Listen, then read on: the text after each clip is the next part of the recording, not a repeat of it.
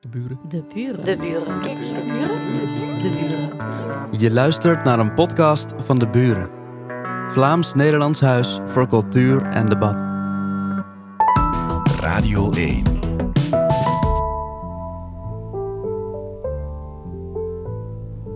...2022 was een jaar van extreme. Weersextreme. Op 22 maart was het in Nederland bijna 20 graden. De hoogst gemeten temperatuur ooit op die dag.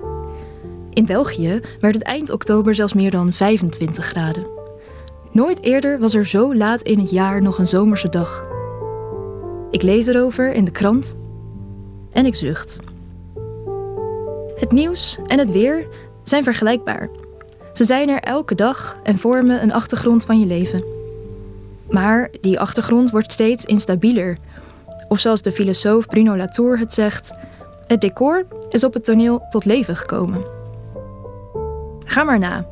Iedere dag gedraagt het weer zich raar. Het is zomer in oktober, het is lente in de herfst. En iedere dag bericht het nieuws over weer een crisis. Oorlog in Europa, gierende inflatie, het klimaatprobleem dat als een dreigende wolk de horizon verduistert.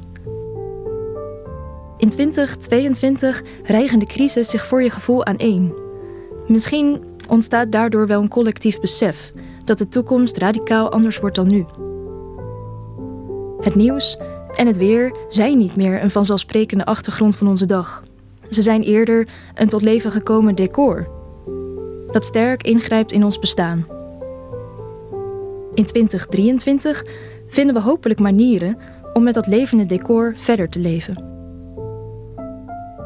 Informeer jezelf, maar leg het nieuws soms ook even weg. Verduurzaam je huis, maar geniet ook van de zon. Ten slotte kunnen we een crisis alleen goed het hoofd bieden met een evenwichtig hart. De buren. De buren. De buren. De buren. De buren.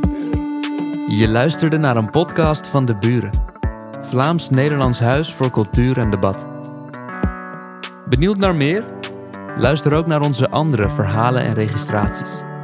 En ontdek ons podiumprogramma op deburen.eu.